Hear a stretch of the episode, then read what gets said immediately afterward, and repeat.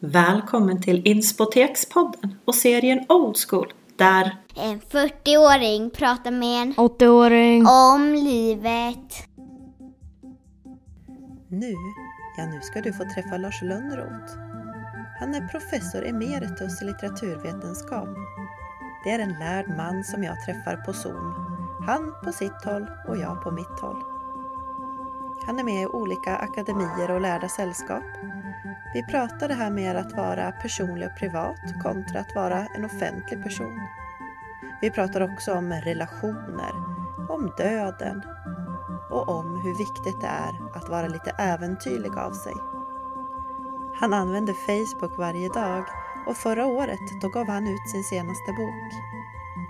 Lars är en man full av liv trots sina 88 år och han säger att vi ska hålla ögonen öppna för nya möjligheter. Nu, ja nu lyssnar vi till Lars. Men du är välkommen, vad roligt att se dig in person. Jaha, hej, roligt att se dig. Jag har ju bara stalkat dig på, på internet. Jaha, Men du, för, för mina lyssnare, kan inte du berätta så här, vem är Lars Lönnroth? Ehm, det är nu 22 år sedan jag gick i pension Ah, som professor vid Göteborgs universitet. Men jag är igång fortfarande. Jag skriver böcker och artiklar och eh, skriver en hel del på Facebook. ja, så du är fortfarande väldigt, väldigt aktiv. Ja, det får man nog säga att jag är. Ja, I varje fall så märker jag ju att tyvärr mina jämnåriga kollegor är antingen döda eller också så har de slutat att vara aktiva i Ja. det här sammanhanget. Hur kommer det sig att du är så pigg och liksom med fortfarande då? Ja, jag vet inte, alltså jag tror ju att eh, om man har som jag så att säga både en akademisk och en journalistisk karriär så eh, blir man så van vid att skriva för offentligheten att man fortsätter där bara vanan så att säga. Ja.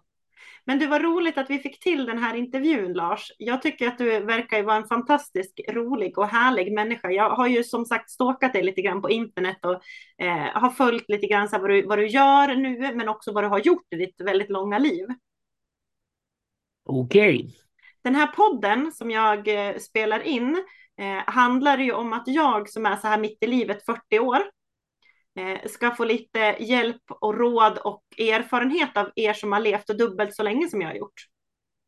ja, ja, jag vet inte precis om vi kan ge dig några goda råd men det är klart man kan alltid försöka. Vet du vad? Alla mina gäster säger samma sak. Det slår liksom inte fel. Alla säger sådär. Nej, men vad ska Ja. jag kunna erbjuda? Nej, men eh, det kanske är onödigt blygsamt. Visst har vi något att erbjuda. Ja, men det är väl klart ni har. Så jag tänker att vi ska börja där vid kulturen. Okej, bra.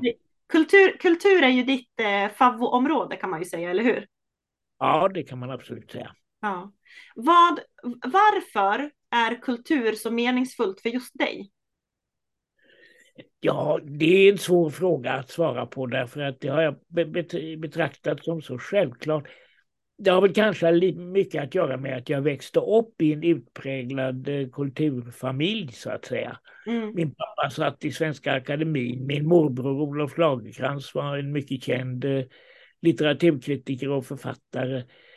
Ehm, det var så självklart när jag växte upp att man skulle läsa seriös litteratur, att man skulle gå på klassiska konserter, att man skulle gå på operan, att man skulle gå på teater, en hel massa sådana, på utställningar och så vidare.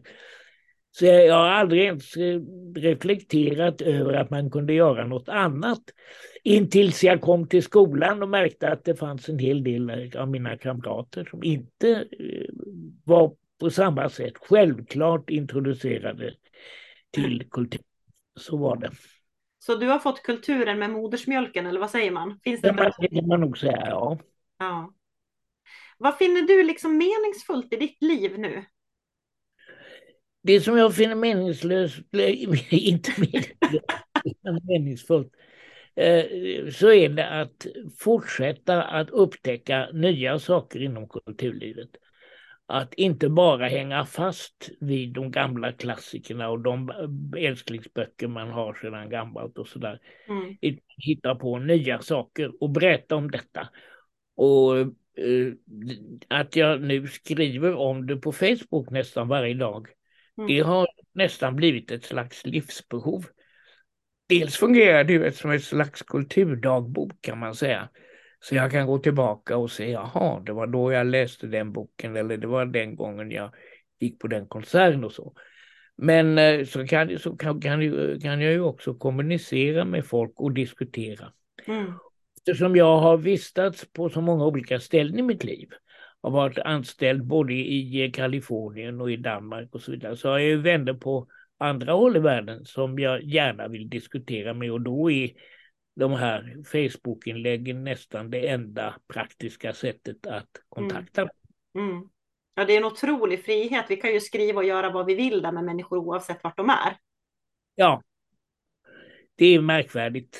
Mm. Det är en märkvärdig förändring som har inträffat i vårt liv och som mm. generationen ovanför min aldrig någonsin fick uppleva. Nej.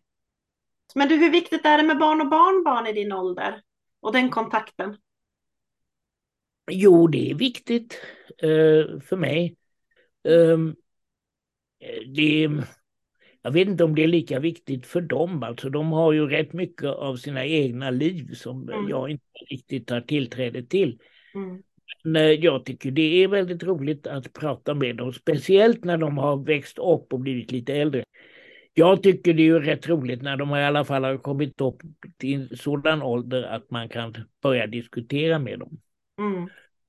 Um, jag har en sonson nu till exempel som har eh, bildat ett eget sånt där indie-popband där han är sin egen låtskrivare och spelar tillsammans med eh, några av sina kompisar.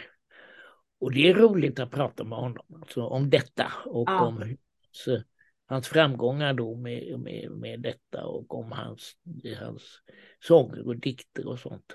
Jag tycker det är väldigt roligt. Då blir du lite av en mentor för honom säkert, eller? Ja, det vet jag inte. Uh, han tycker nog det är roligt ibland att prata med mig, men jag mm. tror inte han skulle betrakta mig som, som sin mentor. Nej, det, det, vi, vi, våra intressen är trots allt lite för olika för det. men ni möts någonstans i kulturen där i alla fall? Ja, ja, jo, det kan man säga. Mm. Men det här, om vi kommer tillbaka till det här med meningsfullhet så, så finner du det ändå liksom dina, din kontakt med, med omvärlden via Facebook, det är meningsfullt och barnbarnen och samtal är meningsfullt. Vad finns det mer som du liksom finner meningsfullt i ditt liv? Ja, så som jag har det nu så är det, alltså jag, jag kan ju inte på samma sätt som förr i världen ständigt träffa gamla kompisar eftersom många av dem ligger i graven framför allt. Ja. Mm. Eh, men vi, vi har ett biogäng. Aha. Eh, vi är tillsammans sex stycken. Sex pensionärspar. Vi är nu allihopa över 80. Mm. Eh, vi går då en gång i veckan, inte en gång i veckan, utan men en gång i månaden så går vi på en biograf tillsammans efter mycket diskussion om vilken film vi ska se. Och sedan så går vi hem till någon av oss och äter en mycket god middag med vin och så där. Och så diskuterar vi den film vi har sett. Det, det låter ljuvligt. Det, men det är väldigt trevligt det här att uh, träffas. Mm. Och uh, Speciellt då under sådana här lite informella former att man mm. går på bio tillsammans och äter en mm. god middag sen.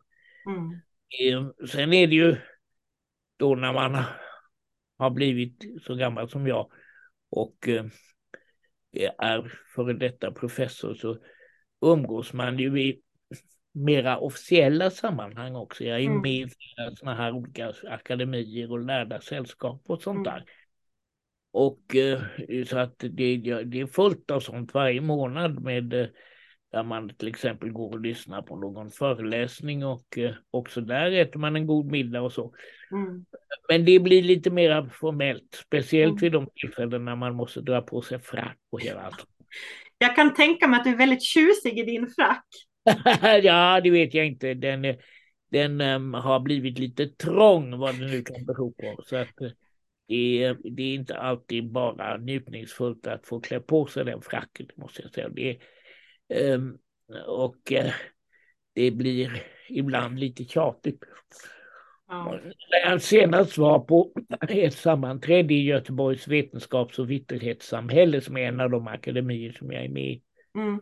Var det, så märkte jag att då är det, ska man först på högtidsdagen som är den 24 januari alltid så, så ska man ställa upp på led och tåga in i frack. Oj då. Ja, och nu stod jag nästan allra längst fram för att de som hade, för man står nämligen i invalsordning så att säga. Ehm, så att nu har jag blivit så gammal så att det, det finns inga andra som är så gamla som jag egentligen. Det, det, de alla andra som brukade gå framför mig är döda eller också ja. är de så sjuka så att de inte orkar gå på de här mm. eh, sammankomsterna. Mm. Och det känns ju lite vemodigt. Ja, det förstår jag. Eh, det är ju roligare trots allt med de här lite mer intima tillställningarna. Mm. Ja, det förstår man... jag. Men du, det där med, med du, du nämner att flera kompisar liksom har fallit ifrån och, och sådär och, och, du märker själv att, att du blir äldst i, i flera sammanhang. Ja. Hur påverkar det dig? Det där med att, att faktum att du faktiskt är gammal. Ja. Um, nu hör jag plötsligt till de allra äldsta. Mm. Och det är konstigt alltså. Det är, mm. Um, mm. Tänker du någonting på döden liksom sådär? Nej, det kan jag inte säga. Nej, men jag är, inte jag är inte speciellt rädd för döden måste jag säga. Jag har kommit till den punkt där jag tänker att eh, ja, är det så att jag plötsligt inte vaknar upp en morgon så är det väl inte hela världen. Jag fyller ju snart 88 och det är rätt mm. gammalt. Ja, det är jag, rätt gammalt. Ja. Mm. Um, så att um, nej, jag känner ingen ångest eh, för inför döden. Det, det mm. kan jag. Vad tänker du händer efter döden?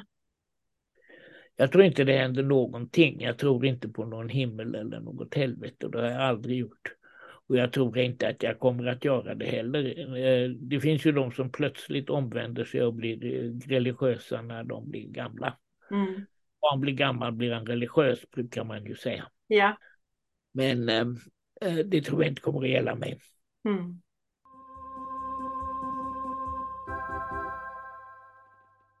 Du har ju en fru, eller hur? Ja. Hur länge har ni varit gifta? Ja, vi gifte oss den 11 juli 1959. Och det betyder alltså att vi nu har varit gifta i, vad blir det, det blir faktiskt 64 år va? Ja, det är helt, det är så ja. beundransvärt. Ja, det, det, förutsättningen är ju att man är något sånär Eh, pigga och att man eh, trivs tillsammans. Och det ja. har vi gjort. Nej, alltså vi, vårt äktenskap har ju fungerat väldigt bra. Ja. Uh, och just nu ser hon ute på en konsert. Jag hade inte lust att gå på den konserten ikväll. Mm. Men, men annars så gör vi väldigt mycket tillsammans. Mm. Jag brukar ju be om lite relationstips. Eh, för flera av mina gäster har ju sådana där superlånga eh, förhållanden eh, har varit gifta i så här, du vet 40, 50, 60 år liksom. Och för mig som är skild så söker jag efter goda råd, relationstips. Jag ska ju snart gå in i ett, i ett nytt äktenskap här. Så vad, vad kan du skicka med mig för tips? Ja, alltså jag skulle väl först och främst eh, säga att eh, eh, innan man gifter sig så får man ju se till att man verkligen har gemensamma intressen och, och sådär. Mm. Det hände mig i min ungdom att jag blev störtförälskad i någon tjej. Och då är man ju bara galen i huvudet och någon begriper ingenting. Lyckligtvis så, um, så gick det ju till på ett helt annorlunda sätt när jag träffade min fru. Det var förresten, det var, det var lustigt med detta, vi träffades under vårt första år som studenter vid Uppsala universitet på en sån här eh, recensorskask. Och eh, jag försökte smyga in henne då och få henne med mig upp på studentrummet men det vill hon ju inte. Men hon sa eh, jag tänker inte följa med dig upp på rummet och förresten så har du druckit lite för mycket. Men dessutom så ska jag be att få tala om för dig att jag kommer att hälsa på dig imorgon klockan ett och då vill jag att du bjuder mig på te med lite wienerbröd. Hon låter jätteklok ju. ja. Ja, jag, jag, blev, jag blev alldeles häpen. Så hade ingen tjej som jag träffat tidigare reagerat. Mm. Antingen så föll de för min charm eller också föll de inte för min charm och bad, och bad mig dra åt skogen istället. Men eh, det, det, här hade jag inte träffat på. Nej. Men kom nästa dag klockan ett och jag hade kokat te och bjöd på wienerbröd. Och sen var det liksom klappat och klart eller? Ja, det, var, det kan man inte säga. Att det var helt klappat och klart för att det var det dröjde sedan flera år innan vi faktiskt gifte oss. Under den tiden så tvekade vi båda med två och sådär. Och eh, sedan, det har väl inte alltid varit eh, enbart harmoniskt under årens lopp. Det har varit vissa kriser ibland, men vi har alltid övervunnit dem. Och ja. eh, det, eh, det har ju gjort att nu så trivs vi fortfarande med varandra och det, det, ja, det fungerar. Gud vad underbart. Men det där du sa att man ska ha gemensamma intressen, men vad finns det mer då för relationstips som du tänker det blir viktigt för mig att ta med mig? Ja, att man, att man ska ha gemensamma intressen, men i den mån man inte har gemensamma intressen så får man ju vara tolerant också mot den andras intressen. Mm. Och eh, också vara allmänt tolerant, alltså inte bli vansinnigt svartsjuk om, om, om partnern flörtar lite med någon annan eller så, utan det, det var lite... Det får jag tolerera lite. Det tycker jag, ja. Mm. Och äh, äh, ja, mm. att äh, ta, ta saker med lite humor sådär alltså. Mm. In, inte allt för superdramatiskt. Mm. Och det, det, var innan jag träffade Iris då och vi gifte oss så var ju mina kärlekshistorier väldigt dramatiska. Extra personer. Det är ju Men... ganska jobbigt att ha det så där dramatiskt. Det, det, det, dränerar ju energin lite grann. Ja, ja, ja, ja, det är sant. Jag vill ha lite mer lugn och ro, ja. Ja, ja, jo, det tror jag är klokt. Men du, om du skulle få ge dig några tips. Om du skulle blicka tillbaka när du var 40, nu är jag 42, säg att blicka tillbaka när du är där kring 40 och du skulle få ge dig själv några tips. Vad skulle du säga till dig själv då? Ja, i, i den åldern. Då var jag ju fortfarande väldigt karriärinriktad. Mm. Eh, jag hade visserligen då när jag var 42, då hade jag redan blivit professor i och för sig, men jag ville bli en ännu mera berömd professor och ville skriva ännu mycket mera saker som folk skulle häpna över och berömma mig för och sådär. Mm. Så att äh, det, det, då kan man bli ganska odräglig. Mm. Jag tror att jag var rätt odräglig ett tag där när jag var väldigt sådär karriärinriktad. Och äh, min fru kunde vid den tiden ibland bli ganska trött på mitt karriär eh, jobbande ständigt. Mm. Mm. Så jag skulle råda till att ta det lite lugnt och inte, om, om, om det nu är det med karriären som man är intresserad av, men det kanske inte du är det, jag vet inte hur det är med dig. Vad, vad, äh, vad, vad eh, inriktar du dig på nu? Ja, det är ju, alltså, jag är ju mitt uppe i liksom det där som du säger. Jag eh, arbetar som rektor jag läser vid Uppsala universitet eh, och jag håller på med den här podden och jag eh, kör lite andra projekt på sidan av det. Jag skriver en del och yogar en del och har lite föreläsningar och sådär. Så att jag är nog ja. rätt uppe i den där smeten tror jag. ja, ja, jo, men det, då, är du, då är du lite grann just i karriären. Mm. Jag förmodar att du vill att den där podden som du har ska bli uppskattad och så. Absolut.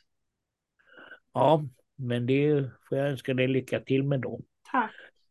Men äh, den här, det, har, nu, eh, du säger att du är nyskild, men du har inte träffat på någon ny än så länge, eller? Jo, det har jag faktiskt. Jag eh, är skild från barnens pappa och har träffat en ny man som jag ju för sig har känt. Jag är lite grann så där som, som du och din fru. Vi har känt varandra ganska lång stund och har velat lite fram och tillbaka. Ska det bli vi? Ska det inte bli vi? Men nu har vi bestämt oss sedan något år tillbaka, så nu kör vi. Så Jaha. där är vi nu. Det är bra och det, det, det är inga eh, så att säga eh, kollisioner där när det gäller karriärerna. Det, det, utan eh, det kan jag menar din karriär är inget hinder för hans karriär och vice versa så att säga. Nej, jag tror att det här är nog den personen i hela mitt liv som, som har stöttat mig mest av allt eh, i alla saker som jag gör och vi är ju väldigt ja. delaktiga i varandras karriärer. Så. Ja, Ja, ja men det är ju viktigt. Mm. Att det är klart att eh, men, eh, men sånt vet jag ju kan ställa till väldigt mycket besvär. Ja. Jo, det gäller ju att man är lite synkade där och att som du säger, man, man ger den ena lite utrymme en viss period och så kanske den andra behöver ha mer utrymme att göra sina saker. Det handlar om att jämka tror jag. Ja, mm. just det. Du är rektor, vad är det för en skola du är rektor för då? Eh, jag är rektor på en Eh, F till 9-skola? Ett väldigt besvärligt ansvar. Det har varit väldigt mycket skoldebatt på sistone. Mm. Och där har det ju sagts att rektorerna eh, eh, ofta inte stannar så länge. Och, och... Det är massa olika delar som eh, vilar under en rektors vingar. Ja. Så det, det, är klart att det är, det är ett ganska komplext uppdrag. Ja, jag förstår det. Ehm, min fru har en väninna som är iranska och har eh, sedan hon kom som flykting till Sverige eh, skaffat sig en, en skönhetssalong som hon sköter och tjänar mycket pengar på. Mm. Men hon gifte sig här i Sverige med en rektor som för som jag hade, det var alltså då högstadiet som han var rektor för. Mm. Men han blev så stressad och det var så många problem. Mm. Så att äh, till slut så sa hans fru, skönhetsdrottningen höll jag på att säga, att nu får du sluta som rektor, jag ska köpa en vingård till dig i Spanien som du kan sköta och så ska du, ska du få eh, syssla med att importera vin istället. Och, eh, eller exportera då från vingården. Och det så har det blivit. Va? Det, han är numera vår leverantör av vin och eh, har slutat som rektor.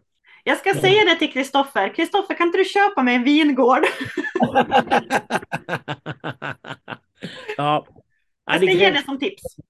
Ja, det, det kan du försöka med, det tycker jag. Är du bra på att ge presenter till din fru? Nej, jag kan inte säga att jag är bra på det. Jag försöker att titta på, men, men jag, eh, jag köper i stort sett bara alltid samma saker, nämligen konstböcker. Eh, och det, gillar hon i och för sig, men, eh, för hon målar själv och, okay.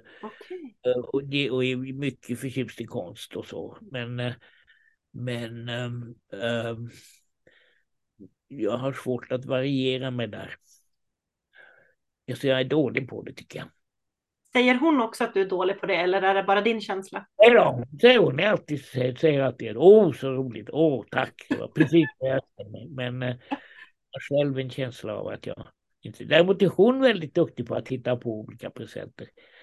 Hon kommer ofta att ge mig olika saker som hon tycker att jag ska ha. Och eh, de är i regel eh, bra. Ja. Däremot som sagt, jag kan inte komma på något annat än konstböcker. Den en vingård kanske, Lars? Ja, hade jag tillgång till vingård skulle jag gärna ge det till henne. Det skulle jag. Visst. Ja. Men, eh, men ja, det är mera sällsynt att eh, professorer övergår till att äh, syssla med vingårdar. Mm. Dock har jag ett exempel på det också. Har du? Ja, för att när jag var i Amerika så hade jag en elev som eh, blev professor vid ett amerikanskt universitet. Men tröttnade på alltihopa, speciellt efter att han hade haft svårigheter i karriären och inte blivit eh, eh befordrad till de högre rangerna. Mm. Så han beslöt sig för att han skulle starta en vingård istället. Och det har han gjort och nu har han en vingård i Kalifornien som levererar utmärkt vin. Det har jag druckit hans vin också, det är mycket gott. Men wow! På något sätt blir det så här, det, det finns alltid hopp om att kunna göra någonting annat. Vi, vi kan faktiskt välja vad vi vill göra. Um... Ja, ja. Och just det här att, att hålla ögonen öppna för nya möjligheter, det tycker jag är kul. Håll ögonen det, öppna för nya möjligheter. Mm. Ja, ja. Um, det behöver ju kanske inte vara fullt så drastiskt som att plötsligt skaffa sig en vingård. Men uh, mm. ja, varför inte det också? Du Lars, finns det någonting i ditt liv som du skulle vilja göra men som du inte har gjort ännu? Mm. Det tål att tänka på. Um, Ja, det finns väl en del platser i världen som jag ännu inte har besökt. Som jag, skulle, jag har gjort rätt många resor i mitt liv. Mm. Uh, um, två städer som jag inte har varit i och som jag skulle vilja besöka, det, det är Wien och Prag. Det är två städer som har mycket kultur och uh, som är gamla fina städer som jag mm. skulle Um, är det något annat jag skulle vilja ha? Nej, kan jag nog inte säga. Hur är det med dig själv? Har du? Ja, jag har massor av saker jag skulle vilja göra i mitt liv som jag inte har hunnit gjort än. Och det är en sån här typ superlång lista på massa olika, både, både att besöka olika platser, men att prova olika saker. Um, som till exempel, jag skulle jättegärna vilja vara på sånt där tysthetsretreat i tio dagar eller i 15 dagar. Um, och du vet meditera och vara tyst så där länge. Det skulle jag jättegärna vilja prova. Ja, det frestar inte mig. Jag, kan, ja, jag menar, om jag vill vara tyst så kan jag ju vara det hemma. Det är ju inte så problem då. Möjligen skulle bli, bli lite förargad över att hon inte har någon att prata med på ett tag. skulle hon förmodligen säga okej okay då. Ja, okej okay då. Bara medit gå och meditera på dig själv. Ah, nej, nej, nej, jag tror inte det är något för mig. Det är tur vi är olika du och jag, eller hur? Ja, jag tror det. Ja. Men du, om du nu ska ge lite livsråd och tips här nu då. Så här, vad ska vi göra mer av tycker du, generellt sett? Resa. Uh, vara öppen för nya upplevelser. Läsa böcker, läsa många böcker. Mm. Gå på teatern. Gå på konserter. Mm. Träffa vänner. Gå och äta goda middagar. Dricka gott vin. Mm. Med vänner. Mm. Um, ja, här är i alla fall några saker. Det låter som livet på en pinne tycker jag. Ja. ja. Vad tänker du att vi ska göra mindre av då? Mindre sammanträden. Jag avskyr sammanträden. Bra. Var, sånt måste man syssla med som både professor och som rektor, föreställer jag mig. Ja. Och eh, eh, det är jag inte speciellt förtjust i. Det kommer så sällan ut någonting bra av de här sammanträdena för övrigt. Alltså. Mm. Jag har myntat ett begrepp tillsammans med min blivande man. Vet du vad det är? Nej. Omöten. Ja, ja. Sådana saker som inte, de, de, behövs inte ens liksom. Det sägs ingenting och det är ingen som beslutar så det är bara, det är bara rena döden att sitta av tiden. Det är omöten. Precis, precis, precis. Mm. Ja, nej, det kan man gott undvara. Ja. Finns det någonting mer som du tänker vi ska göra mindre av? Ja, alltså det finns en hel del sådana här liksom pliktmässiga besök eh, som eh, man kan gott undvara.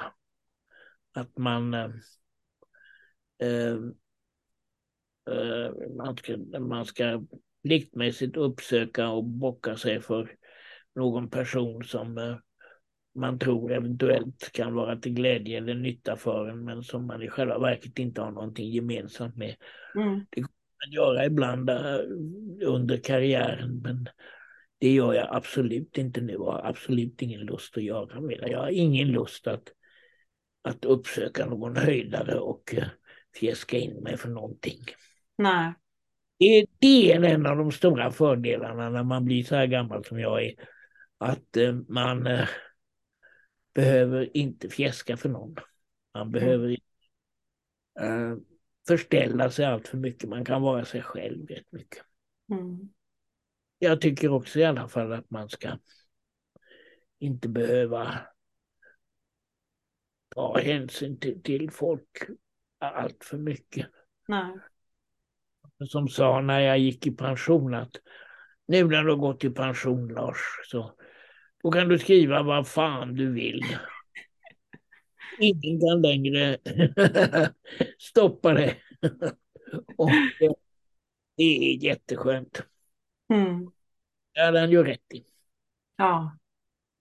Det är som att du är lite turfri. Nu spelar det som ingen, ingen roll. Nej. Mm. Kan du märka det där att vara liksom en privat person och vara en offentlig person? Att, att du har svårt med det och skilja på de delarna eller? Ja, eh, jag, jag skiljer inte på det kanske så mycket som jag borde. Eh, det finns ju de som, eh, som skiljer väldigt tydligt på det. Uh, och som, som menar, men det var nog mer förr än, än nu. Mm.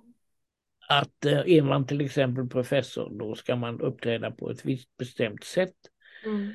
Ja, vit skjorta och slips på sig och man ska uh, tala på ett bestämt sätt.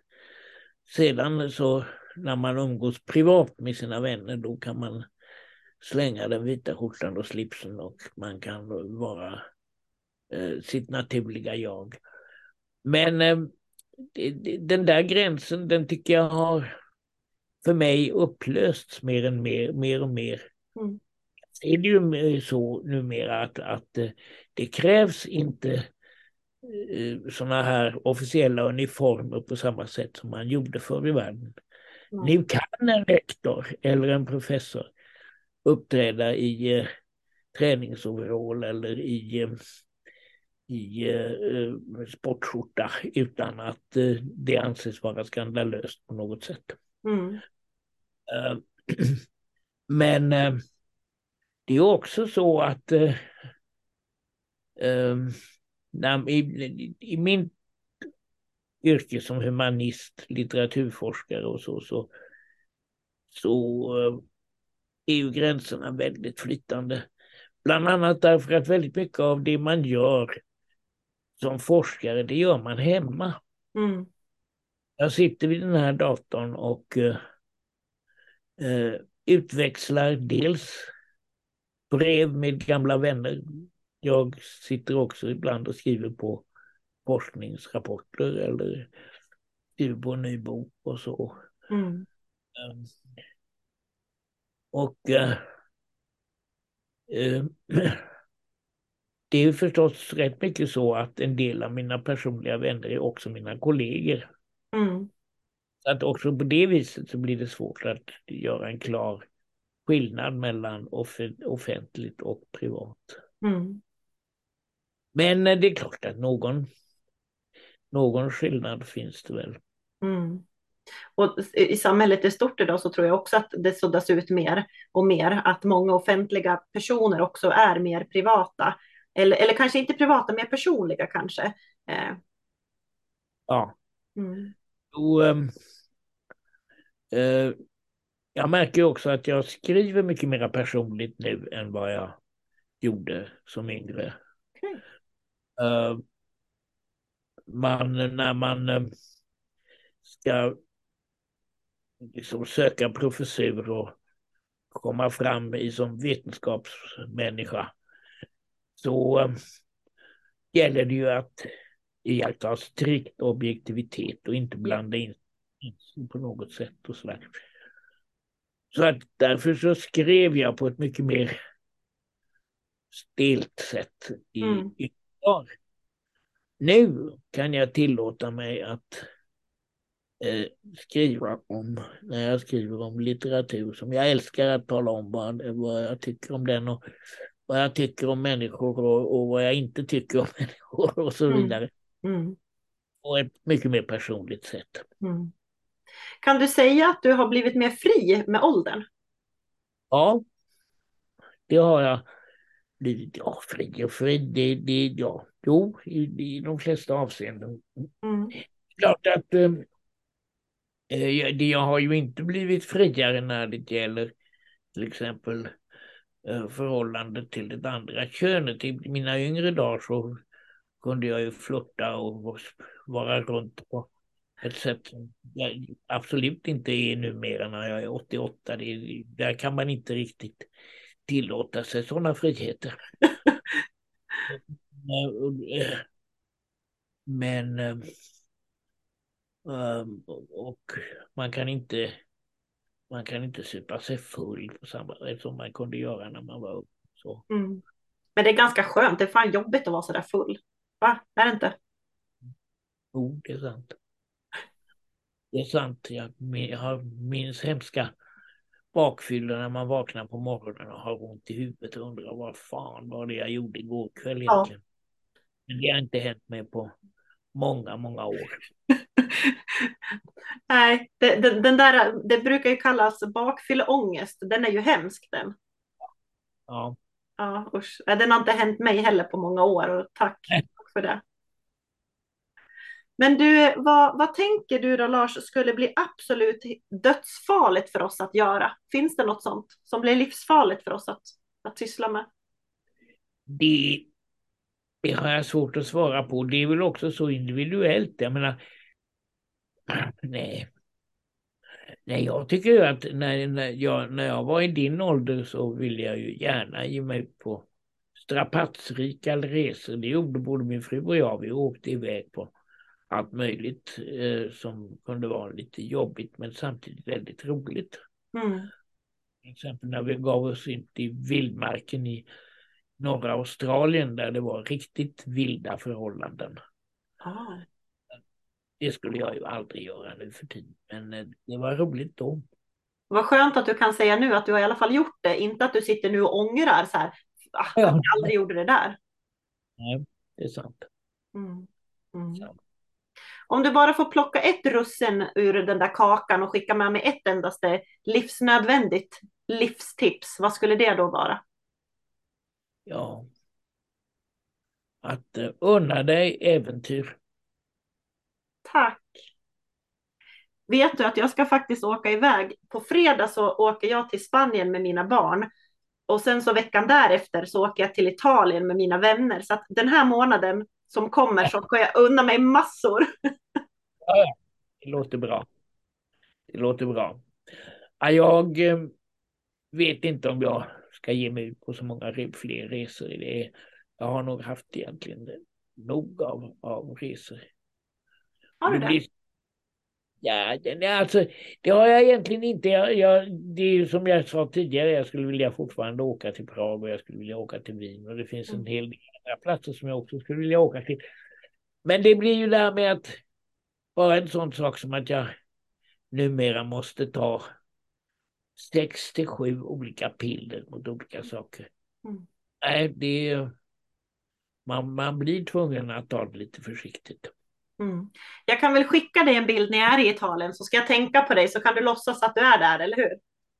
Ja, men det, det tycker jag skulle säga. Jag älskar Italien. Speciellt då älskar jag Florens. Ska du till Florens? Nej, jag ska till södra Italien. Du vet, Italien är som en sko. Jag ska till hälen, brukar jag säga.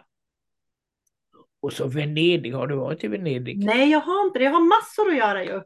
Ja, då, det, Venedig och Florens, det är ett måste förstår du. Det, det, det, det är fullständigt underbara platser bägge två. Jag får sätta det på min bucket list. Ja. ja. Men du Lars, för att sy ihop det här nu då, har du någon läxa att skicka med mig eller? Någon livsläxa? Nej, jag tycker också det här med läxa låter så tråkigt. Läxa det är ju en, som någon sån här uppgift som man förelägger sig som man egentligen inte har så stor lust att genomföra. Men som det är man, sant. Uh, men uh, ja, jag har redan sagt det. Jag tycker att ska läsa bra böcker och gå på coola konserter och mm. se till att vara roliga och spännande och nya upplevelser. Mm. Det var, det var en, en fin summering tycker jag. Okay. Verkligen. Men du, den här podden Lars, jag vet inte, lyssnar du någonting på podcasts? Nej, jag är inte det. Mina söner gör det, men eh, det, det uh, gör jag inte. Det, jag, jag tycker det här med Facebook, det räcker precis för mig. Alltså, lagom. Då kommer du se på Facebook när jag lägger ut en bild på dig och mig där vi har pratat där jag säger så här, nu är, finns det här avsnittet ute så får väl dina söner lyssna då. Ja. Sandra, är du är din Facebook-vän va? Eller hur är det med det? Ja precis, jag ska bli din Facebook. Vill du bli min Facebook-vän? Gärna, mycket gärna. Då, då ska vi fixa det ikväll. Bra. Bra. Alright, men då, då klickar jag här nu på liv. Ja, så hörs vi på Facebook då. Det gör vi. Hej då med dig! Jag vill återigen bara passa på att tacka för alla härliga frågor och funderingar jag får på både DM och mail och eh, kommentarer på mina sociala medier. Det är du som lyssnar som gör att det är värt eh, det här poddjobbet. Så tusen, tusen tack! Både jag och Lars finns ju på Facebook och ni vet att Inspotekspodden även finns på Instagram.